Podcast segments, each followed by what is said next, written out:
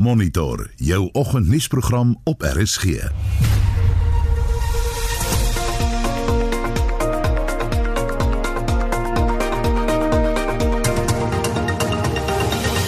In volgens se program China rig 'n waarskuwing aan Brittanje en Australië. 'n groot klomp van sy mense kan eintlik uit Hong Kong pad gee en op ander plekke gaan bly en, en die vrees wat die Chinese het is dit word 'n baie belangrike bron van oppositie vanuit die buiteland wat hulle baie probleme kan gee op die lang termyn.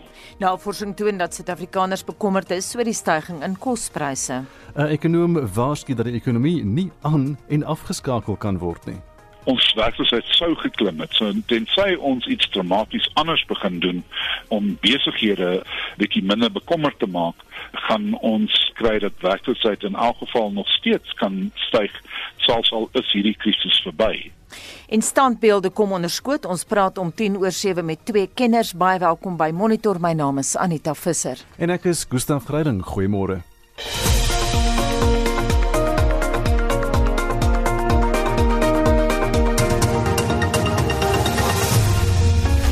Dis 11 minute oor 6 is ingeskakel by Monitor op RSG en 'n oorsig van die koerant voorblaaie vir Maandag die 6de Julie. Die burger volgend, dankie meneer, ons gaan jou mis. Moord op sanger bly 'n raaisel. Aanvaller was daar met 'n plan. Die Lanner House Independent School op Woester het hulde gebring aan die 45-jarige Wynand Breed wat by sy huis op Fleury Farm in die Nuivallei tussen Woester en Robertson vermoor is. En 'n berig wat sê 2740 onnies met die koronavirus besmet. Beeld se voorblad vandag, hulle kry nie korona by skole. Dis minister Angie Motshekga wat haar mening gee oor die positiewe gevalle. Die departement van basiese onderwys sê geen bewyse dat onderwysers en leerdlinge juis by skole aangesteek het nie. Daar's ook 'n berig oor Ysmagashule wat sê Zuma het nie alleen opgetree nie. Hy was daar saam met ministers, was hierdie ministers robotte vra eis. Hy glo die oud-president moenie alleen vir staatskaping en korrupsie geblameer word nie. Ook 'n foto van een van die weermag se Hercules vragvliegtuie op Waterkloof lugmagbasis wat 52 personeel van die militêre gesondheidsdiens oplaai om na Port Elizabeth te neem waar hulle ontplooi gaan word om die Oos-Kaap by te staan met die koronaviruspandemie. Volksblad se voorblad gaan oor rugby. Stappe is vendetta teen my. Dis Jerry Segwaba, die president van die Vrystaatse Rugby Unie wat so sê en dit nadat Saskok hom uit alle bedrywighede van die Vrystaatse Sportfederasie geskop het. En naas Botha was hy naweek in die stad rugby legendes het kospakkies vir hulpbehoevende mense uitgedeel. Business Day, die graderingsagentskap SNP wil weet presies hoe Suid-Afrika se regering sy uitgawes gaan inkort. Fitch en Moody's het dieselfde bekommernis. En die grondwet waghond Kassak sê die Wes-Kaapse regter-president John Klope moet geskort word terwyl die hoofregter hom in 'n staat van beskuldiging wil plaas. Internasionaal op bbc.com Australië gaan die grens tussen Victoria en New South Wales sluit en in China toets 'n landelike diereoppasser in binne Mongolië positief vir builepes. En dis vinnige oorsig van vanoggend se nuus. 'n Luisteraar, Adel Kenrich, het laasweek in 'n e-pos aan Monitor gevra of ons nie dalk maandag positiewe onderwerpe kan bespreek nie. Haar voorstel was iets grappig wat mense dalk oor die naweek ervaar het. Ons skoei dan vanoggend ons luisteraars vraag op iets ligter in die lig van die feit dat ons nou al vir 102 dae ingeperk is. Ons wil weet wat is die snaakste ding wat al ooit met jou gebeur het? Waarvoor lag jy? Wat is jou sin vir humor? Hier is jou kans om komiese insidente met ons te deel om 'n blou maan Maandag 'n ander kleur te gee. Stuur vir ons 'n SMS na 45889. Onthou elke SMS kos R1.50 of gaan na facebook.com vorentoe skynstreep ZARSG. Dis nou 14 minute oor 6 en China het Australië en Brittanje gewaarsku om op te hou inmeng in sy interne sake of die gevolge daarvan te dra nadat die twee lande aangebied het om verblyfvisums aan inwoners van Hong Kong te bied. Intussen dreig die Trump-administrasie Beijing met sanksies weens die nuwe nasionale veiligheidswet wat Hongkongers se vryhede baie inperk. Anita het Roland Henwood van die Universiteit van Pretoria gevra om die toenemende internasionale druk op China te interpreteer. Die Kongres het wetgewing goedgekeur om sanksies in te stel teen van die banke wat vanuit Hongkong met China handel dryf en ook sanksies teen sekere persone wat geassosieer word met die nuwe onderdrukkende wetgewing wat op Hong Kong van toepassing gemaak word. En die idee daarvan is om ontevredenheid natuurlik aan te dui, maar ook groter druk te plaas op China en veral op besluitnemers in Hong Kong oor hoe hulle optree en watter tipe besluite hulle begin implementeer. En dit natuurlik hou verband met die wat die Amerikaners beskryf as die aantasting van die autonomie van Hong Kong en die toepassing van die Chinese onderdrukkende Chinese model in Hong Kong. Steer die Chinese hulle aan wat die buitewêreld sê of doen? ongetwyfeld die die reaksie uit Beijing was onmiddellik geweest dat die Amerikaners meng in in die interne aangeleenthede van van China, die interne politiek van China en dat hulle hulle moet weerhou want daar sal definitief vergeldende optrede vanuit China wees indien hulle voortgaan met hierdie optrede. So daar's 'n groot sensitiwiteit in Beijing vir dit wat in in die VSA gebeur, maar hulle is ook ontevrede oor die Britte wat wat bepaalde aankondigings gemaak het en ook ontevrede oor Australië hmm. wat bepaalde aankondigings maak, baie ontevrede met Taiwan. So daar's groot sensitiwiteit in Beijing vir dit wat ander sê en besig is om te doen. Kom ons praat oor daai aankondigings deur Canberra en Londen.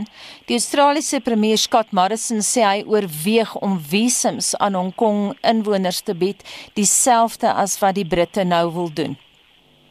Ja, die idee is om mense wat in Hong Kong bly wat wil pad gee omdat hulle bevrees is vir wat China besig is om te doen, um visums te gee sodat hulle kan in Brittanje gaan bly of in Australië gaan bly en die Britte natuurlik het gesê dis dan 'n spesiale visum wat vir die mense in staat stel om Britse burgerskap te kry. En daar word gepraat van tot 3 miljoen mense uit Hong Kong wat daarbey gaan baat vind.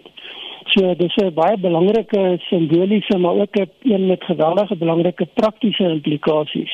En dit natuurlik is vir China 'n groot probleem want dit beteken dat 'n groot klomp van sy mense kan eintlik uit Hong Kong pad gee en op ander plekke gaan bly en, en die vrees wat die Chinese het is dit word 'n baie belangrike bron van oppositie vanuit die buiteland wat hulle baie probleme kan gee op die lang termyn. Wat is jou mening oor die nuwe nasionale veiligheidswet? Almal maak nou groot gewag daarvan want dit beperk mense se vryhede, maar dis tog nie totaal onverwags nie, Roland. Ja, dit is totaal onverwags nie as jy net kyk na die afgelope klompie maande, maar as jy net beoordeel in die konteks van die sogenaamde basic law en die ooreenkoms wat tussen China en die, die Britte gesluit is in 1997 met die oorhandiging van van Hong Kong aan China. Dit dryf totaal in teen daardie bepalinge en daai beginsels. Die basiese vryhede en die autonomie van Hong Kong en die idee van een land twee stelsels word totaal van die tafel gevee met hierdie optrede. En ons het reeds gesien dat die Chinese bedoel dit baie ernstig. En dit mense in hegtenis geneem. Die tipe strawwe wat hulle aangekondig het in hierdie wet is van so 'n aard dat dit nie eenvoudig net afgemaak kan word as 'n bietjie van 'n spanning nie. Dit is 'n baie groot ingryp in die beginsel van demokratiese regte vrye en ook hoe die Hong Kong stelsel veronderstel is om te funksioneer Die Chinese is ook vies uh, vir die Australiërs omdat hulle aandring op 'n ondersoek na die oorsprong van ons huidige pandemie. Ja, dit is een van die beginpunte van die nuutste rondespanning tussen China en Australië. En dit is besig om toe te neem. Die punte van konflik en verskil is besig om meer te word tussen China en Australië, soos tussen China en ander. En dit het nou uitgekring na maatreëls wat Chinese invoere van Australiese landbouprodukte impliseer. En en die vrees hier is weer eens van die Chinese dat ander mense is besig om in te meng in hulle interne politiek en dis onaanvaarbaar. En die interessante is die Chinese reaksie is besig om baie sterker te word as in die verlede. Nie net met met beperkings en aankondigings nie, maar spesifieke optrede wat hulle ontevredenheid aandui en natuurlik ook die spanningsvlakke verhoog soos wat hierdie optrede begin toeneem. Intussen het die FBI die Australiërs gewaarsku dat China agter die huidige vlaag van kuberaanvalle sit. Dink jy hulle het 'n punt beet? Dit is moontlik dat dit so is. Daar is baie bewyse in die verlede dat afdelings van die Chinese leer, die die People's Liberation Army betrokke is by kuberprojekte en kuberaanvalle op ander state se stelsels. So dis nie nuus nie. Dit pas natuurlik ook in by die patroon wat reg oor die wêreld begin uitspeel waar die Britte, die Amerikaners en die Duitsers al hoe meer mense begin sê maar hulle wil nie met Chinese tegnologie maatskappye saamwerk nie want hulle vertrou nie die maatskappye nie. En dit gaan oor die toegang tot sensitiewe inligting, die beheer van inligting en die feit dat die Chinese maatskappye nie die waarborge kan gee dat dit nie gebruik kan word vir ander doeleindes as net die basiese ehm um, net maar normale gebruik nie. En en, en so daar's groot wantroue besig om op te bou. Ons weet die hele kwessie van Huawei en die 5G tegnologie wat op baie plekke begin regering sê maar die Chinese gaan nie deel wees hiervan nie. Mm -hmm. Want dit kan hulle nie vertrou nie.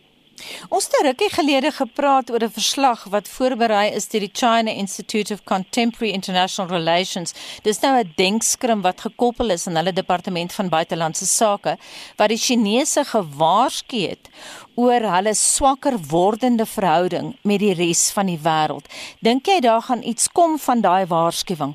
Wat van die waarskuwing gaan kom, weet mense nie, maar wat baie duidelik is is dat China op 'n koers van konfrontasie met 'n hele klomp um, ander state. Die Chinese het wat deesdae beskryf word as 'n baie aggressiewe houding in hulle buitelandse beleid. Ons sien hoë vlakke van spanning en insidente met Indië met Vietnam, met die Filippyne rondom die uitbreiding van die Chinese territoriale aspirasies in die Pasifiese Oseaan. Ons sien die spanning met um, Australië, met die VSA wat hand oor hand begin toeneem. So China is in 'n moeilike posisie indien hy met sy huidige manier van optree wat 'n baie harde aggressiewe manier is gaan voortgaan. En en dit is 'n wegbeweeg van die tradisionele Chinese manier van eenskynlike samewerking van interaksie wat nie op konfrontasie gebou is nie, maar eerder op ehm um, kommunikasie. En wat ons nou sien is 'n wegbeweeg daarvan. En en dit skep baie meer spanning. Die interessante aspek daarvan is dat dit natuurlike bondgenote van China begin wegdryf en tot 'n baie groot mate 'n situasie begin skep waar state wat nie so naby aan die VSA en Washington was byvoorbeeld nie, soos India, al hoe nader aan Washington beweeg as 'n vorm van koalisie teen China en en die bedreigings wat China inhou. Ons sien dit ook in ander plekke in in in die Suidoos-Asiatiese gebied dat die VSA sonder dat hulle wil betrokke raak eintlik 'n hoër status begin kry as gevolg van die feit dat hulle bereid is om teen Beijing standpunt in te neem. Wat van China se verhouding met Afrika op die oomblik? Is dit redelik stabiel nog? Dit is stabiel, maar dit is ook 'n verhouding waar baie onsekerheid is. Een van die interessante aspekte rondom die hele COVID-pandemie is natuurlik die insidente van rasisme in China teen mense uit Afrika. En dan saam met dit die verwagting dat China op 'n ander manier sou optree in Afrika. En eintlik as jy mens begin terugkyk dan het China niks spesiaals gedoen Afrika nie regtig ter wille gewees met spesiale maatreëls soos wat die verwagting was nie. En en dan is daar ook al hoe meer aanduidings in Afrika waar regerings begin besef dat Chinese hulp nie noodwendig die hulp wat hulle gedink het wat wat dit eenvoudig aangebied word sonder voorwaardes nie. Daar's ander soorte voorwaardes aangekoppel en en dit begin mense laat dink. Ons weet in Afrika is daar groot ontevredenheid in sekere state oor die Chinese se uitbreiding van hulle ekonomiese invloed, maar ook die manier hoe hulle mense gebruik en misbruik in in groot konteks. Daar was nou pas die insident in Zimbabwe by myn waar die Chinese mynbestuurder twee van die werkers doodgeskiet het.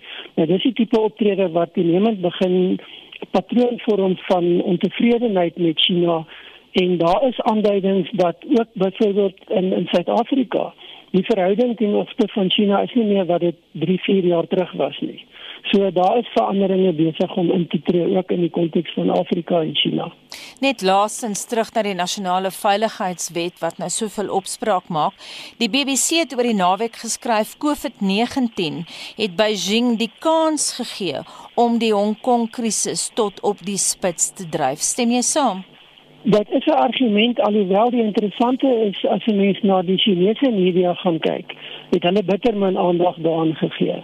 En So as dit die doelwit was, dan was dit miskien in terme van die eksterne omgewing, maar nie die belangrike interne omgewing vir China nie. Die ander kwessie is ook dat daar soveel ander gebeure is wat China by betrokke is. Die konflik met Indië wat baie aandag gekry het. Die konflik met Washington wat baie aandag kry. So dit is moontlik, maar as dit die idee was dan is dit nie baie effektief gedoen nie want daar's te veel ander goed wat ook gebeur. En dit is waarskynlik een van die groot uitdagings vir China in die kort termyn is om al hierdie klomp krisisse wat nou skielik plaasvind te hanteer. Dit lyk eerder asof dit die besluitnemers en Beijing se aandag verdeel as wat dit buitelanders se aandag weglei van wat besig is in China en rondom China te gebeur. Roland Henwood van die Universiteit van Pretoria en Anita het daardie onderhoud met hom gevoer. 625 in die sakeverslag word ver oggend aangebied deur Leon Mostert van PSG Wealth Pretoria Oos. Môre Leon. Môre Anita. Ons sien dat die rand Vrydag effens teruggesak het tot vlak hier rondom R17 vir 'n dollar nadat dit gedurende die week bykans 2% teen die dollar versterk het. Die versterking het gevolg op sommige positiewe ekonomiese data wat vrygestel is, maar is teen die einde van die week teengewerk deur 'n bekommernis oor die toenemende COVID-19 gevalle wêreldwyd, maar veral in Amerika. Vrese vir die herimplementering van inperkingsmaatreëls het hier rond te begin doen. Die totale aantal COVID-19 gevalle het wêreldwyd tot meer as 11 miljoen gestyg. Het Amerika wat meer as 55 000 nuwe gevalle verlede week donderdag gerapporteer het, 'n nuwe rekord vir die meeste gevalle op een dag gerapporteer deur 'n enkele land. Die Wêreldgesondheidsorganisasie het ook Saterdag aangekondig dat daar in 'n 24-uur tydperk 200 000 nuwe gevalle wêreldwyd aangemeld is, ook 'n nuwe rekord vir die wêreld. Die plaaslik sy die JSE se algehele indeks beteen 7% laer op 54521 punte en die top 40 indeks bin 26% laer anker 1.3% verloor, hulpbronne 1.2%, goud minus 1.1 en platinum 0.8% almal laer vir die dag. Jaar tot datum dan het die ehm um, JSE se algehele indeks so 5.5% ehm um, swakker uh, en dit is dan nou tot einde Junie. In Europa verloor die FTSE 100 in Londen 1.3%, die DAX in Frankfurt 0.6% en die CAC 40 in Parys 0.8%. Die Amerikaanse markte was Vrydag gesluit vir onafhanklikheidsdag wat Saterdag deur die of Saterdag die 4de gevier was. Ons sien ook dan dat die S&P 500 is jaar tot datum um, tot einde Junie gemeet so rowweg 5% laer in dollar terme. Ons sien ook dat uh, Warren Buffett se Berkshire Hathaway oor die naweek aangekondig het dat hulle Dominion Energy vir 10 miljard dollar gekoop het. En die ooste oop in die markte vanoggend positief ten spyte van die eskalasie in COVID-19 gevalle, hoofsaaklik aangevuur deur deur 'n bulmark sentiment op die beurs in Shanghai wat rondom 4% hoër verhandel. Die Nikkei 225 in Tokio verhandel dan ook tans 1.6% hoër, die Hang Seng in Hong Kong 3.5% hoër en die ASX 200 in Sydney 0.3% hoër.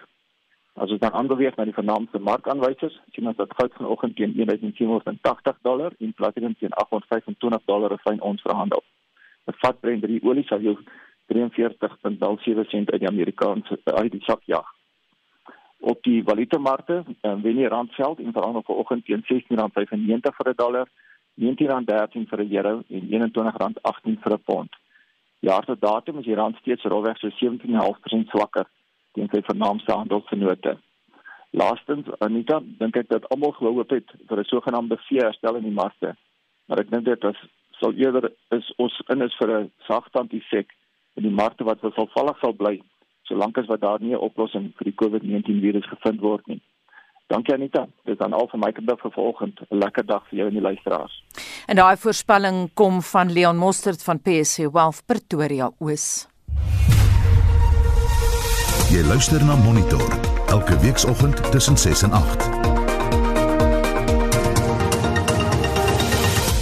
Dis nou 6:32 en in die nuus minstens 11 onderwysers en 3 leerdlinge is reeds weens COVID-19 dood.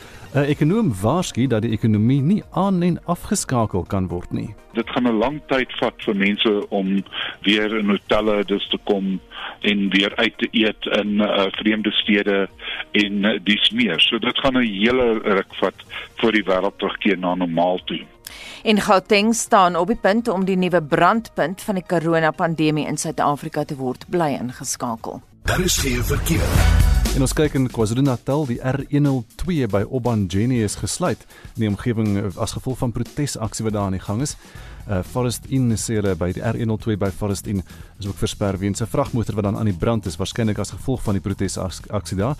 Gebruik die N2 as jy reis van Empangeni se kant af.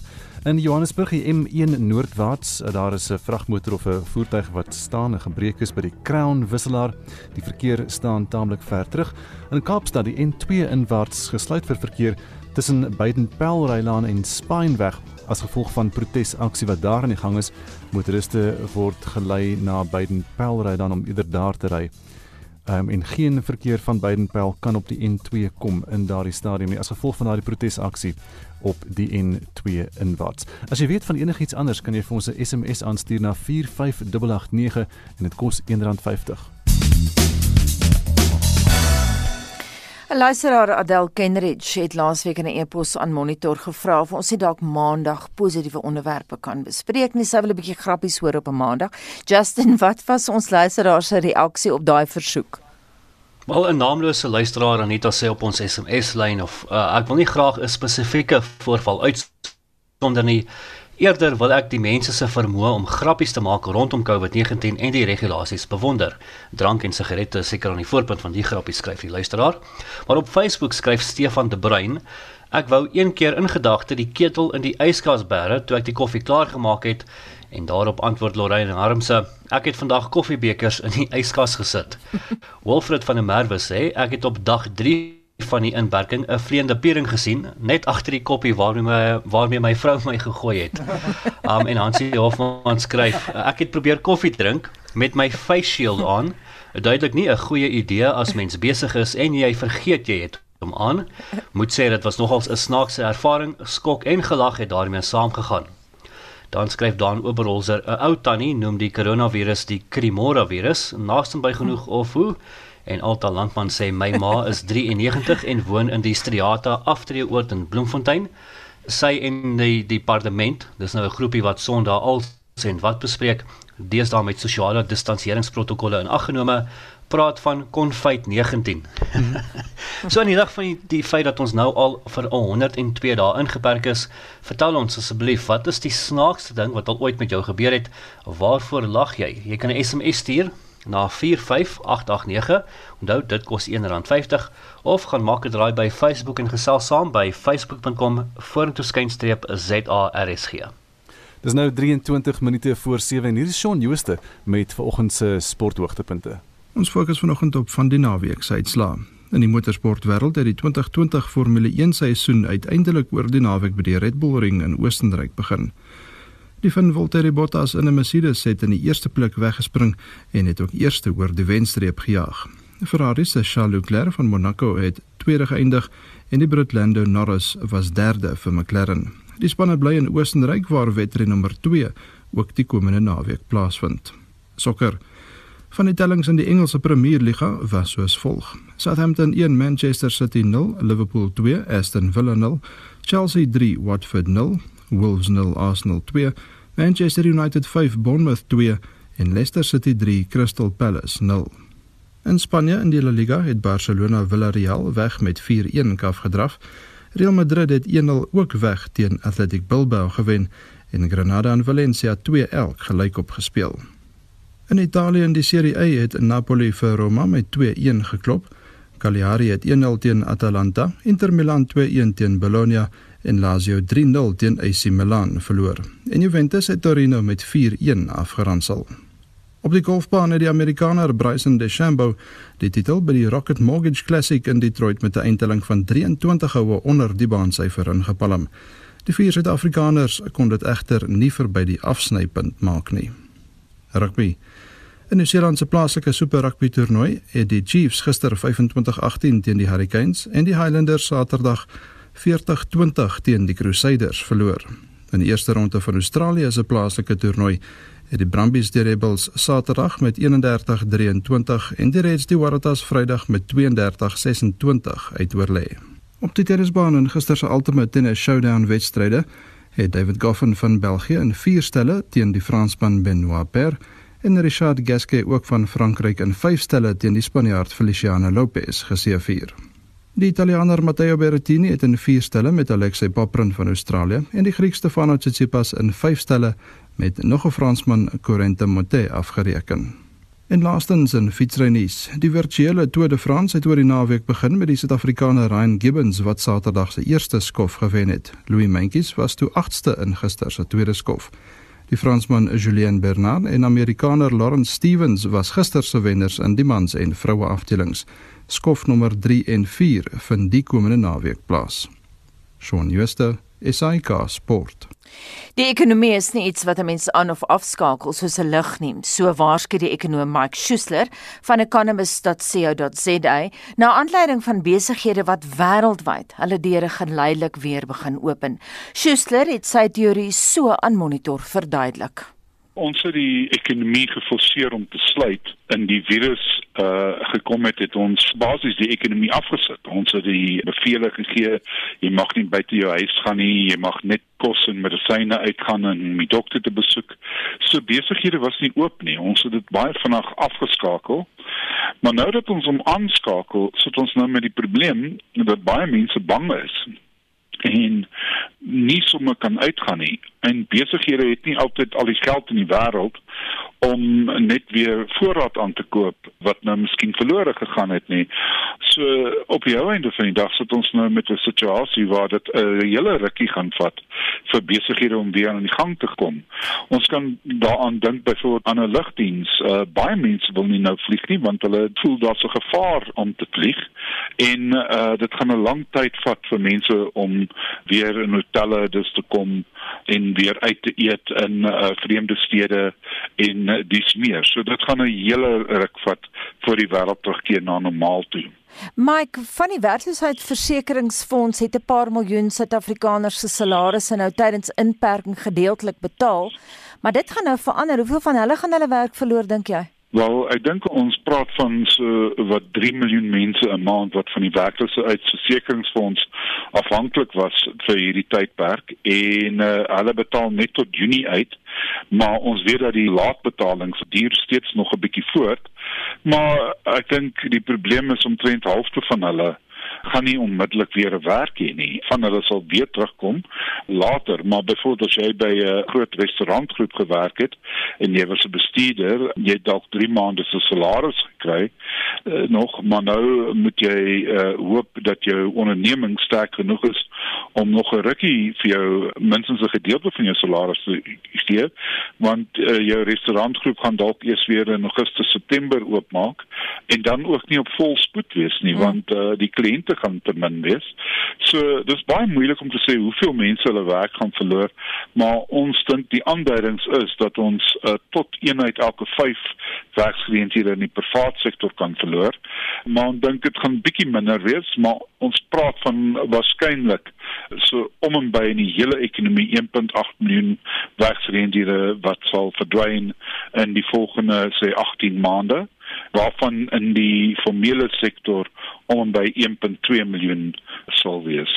Ek wil net terugkom na die restaurante wat nou weer heropen die week of uh, verlede week, maar die probleem is hulle mag nie drank verkoop nie en vir baie mense gaan drankverkoop tog saam met 'n restaurantervaring. So dit beteken hulle gaan nie teruggaan restaurante toe nie. Dis reg. Ehm um, so die een gedeelte daar is jy kry nie jou volledige diens nie. Die tweede probleem vir die restaurante, hulle moet die tafels baie weier uit mekaar uit sit hmm. en uh, vir baie restaurante maak dit nie sin nie omdat hulle byvoorbeeld baie duur hier het en sodra hulle weer begin, gaan hulle weer moet huur betaal die jare van effense hier vir vakansie dalk. En die ander ding is natuurlik dat is nie die restaurante nie, maar jy gaan baie keer uit en moet jy teater toe gaan of jy gaan fliek toe hmm. of jy gaan in, met 'n groep vriende uit. En nou raak dit uh, baie moeilik want die restaurante wil nie groot tafels altyd hê nie. Hulle wil tafels van maksimum 4 mense hê. Hmm. So hulle wil nie 'n uh, geselskap hê van 30, 40 mense wat 'n verjaarsdag of 'n troue of iets vier nie.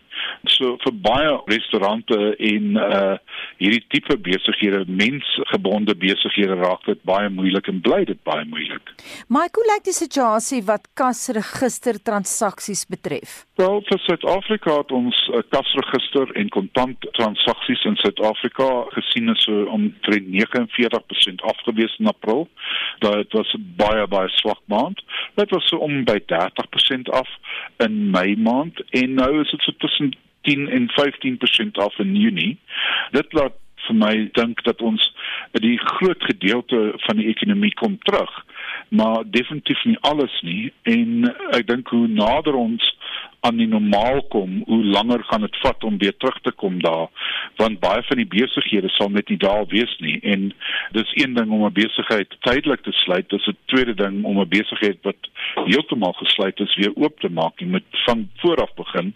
En uh, jy moet kliëntasie en personeel en alles van die begin af weer opbou. So dit vat tyd en ek dink ook die werksverliese in Suid-Afrika gaan beteken dat die kontant vir 'n hele rukkie nie daar gaan wees nie. Van die werksverliese vind altyd 'n bietjie later plaas. So daar gaan dalk nog 'n maand of twee wees waar ons weer effens sien dat die ekonomie terugsak, maar ek dink ons het die groot terugbounce as ek dit so kan stel gehad. Ons het die vier deel van die herstel gehad. Ons is nou op die Nike se swoosh, soos hulle sê, waar ons nou 'n platter herstel het en ek dink dis waarmee ons gaan saamleef in die volgende jaar of twee.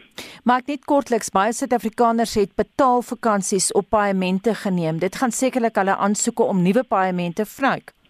Ja, jy kan nie vir 'n bank sê ek kan nie jou nou betaal nie, ek het nie nou geld nie en dan nog 'n lening wil uitvat nie. So baie van die besighede uh ons het gesien wat Stats SA gevra het, baie min van hulle permanent toegemaak, maar 'n hele paar uh, omtrent 20% het tydelik toegemaak.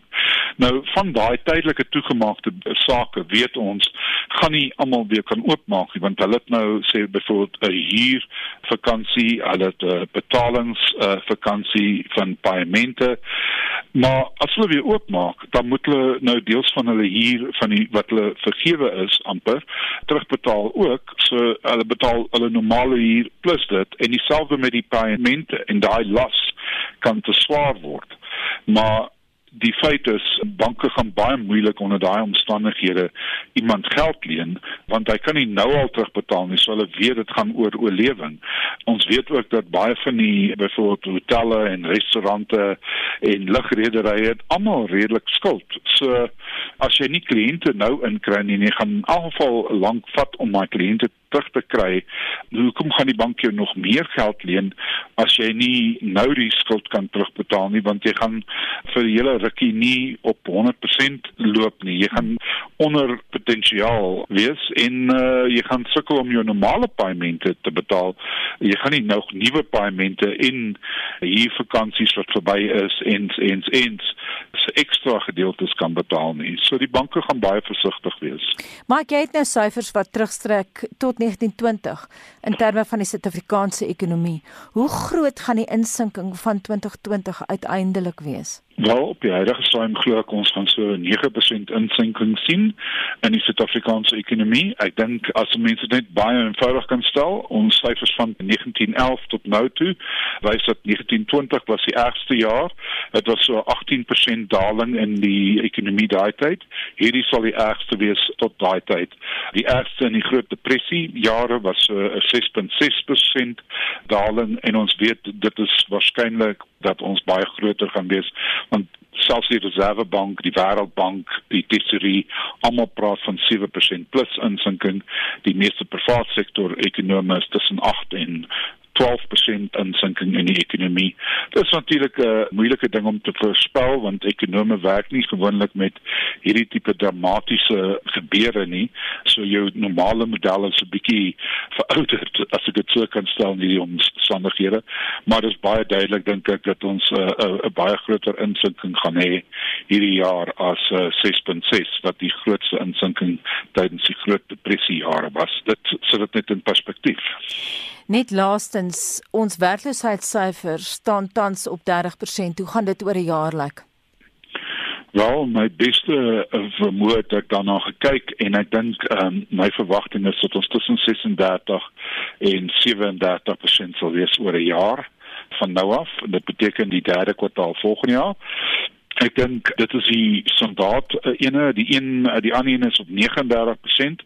Dis heel moontlik dat hy selfs bo 50% kan gaan, maar op die huidige stadium dink ek verwag ek eerder so 47-48% breë werkloosheid. Die probleem wat ons het natuurlik is ons skep in elk geval nie genoeg werk nie. So ons werkloosheid sou geklim het. So tensy ons iets dramaties anders begin doen om besighede bietjie minder bekommerd te maak, gaan ons kry dat werkloosheid in elk geval nog steeds kan styg selfs al is hierdie krisis verby. So om te sê dis 36 37% oor 'n jaar se tyd as ons nie iets aan doen nie oor 5 6 jaar se tyd is daai 37% 40% en die 47 48% is oor die 50% breë werkloosheid. So dit moet ons ook net in gedagte hou dat Suid-Afrika het al hoe meer werkloses alhoewel ons werk skep. Ons skep net nie genoeg werk vir die mense wat inkom nie. Dit dan die ekonom Mike Schuessler wat Vrydag met Monitor gepraat het. Dis nou 10 minute voor 7 en Suid-Afrikaners is bekommerd oor die stygings in kospryse. Dis die bevinding van 'n onlangse studie deur Ipsos. Die marknavorsingsmaatskappy het 'n peiling onder mense in 26 lande gedoen. En volgens die meerderheid van die respondente het voedsel, kruideniersware en kragtariewe aansienlik gestyg sedert die uitbreek van die COVID-19 pandemie. En vir meer hieroor praat ons nou met die direkteur by Ipsos Suid-Afrika, Marie Harris. Marie, goeiemôre. Goeiemôre Gustav. So hoe het die Suid-Afrikaanse respondente gereageer op die stygings van kospryse en verskil dit byvoorbeeld tussen die verskillende ouderdomsgroepe? Ja, ehm um, in in die algemeen het mense gesê dat pryse gestyg het. Dit ehm um, in Argentinië, Suid-Afrika en Mexiko was daar 81% wat gesê het dat pryse oor die algemeen gestyg het. Maar as ons dan spesifiek na Suid-Afrika kyk, soos wat jy gevra het, ehm um, Suid Afrikaanse vrouens is baie meer bekommerd daaroor. Uh, uh 84% van vrouens het genoem dat dit 'n uh, issue is vir hulle baie bekommerd is en 77% van mans.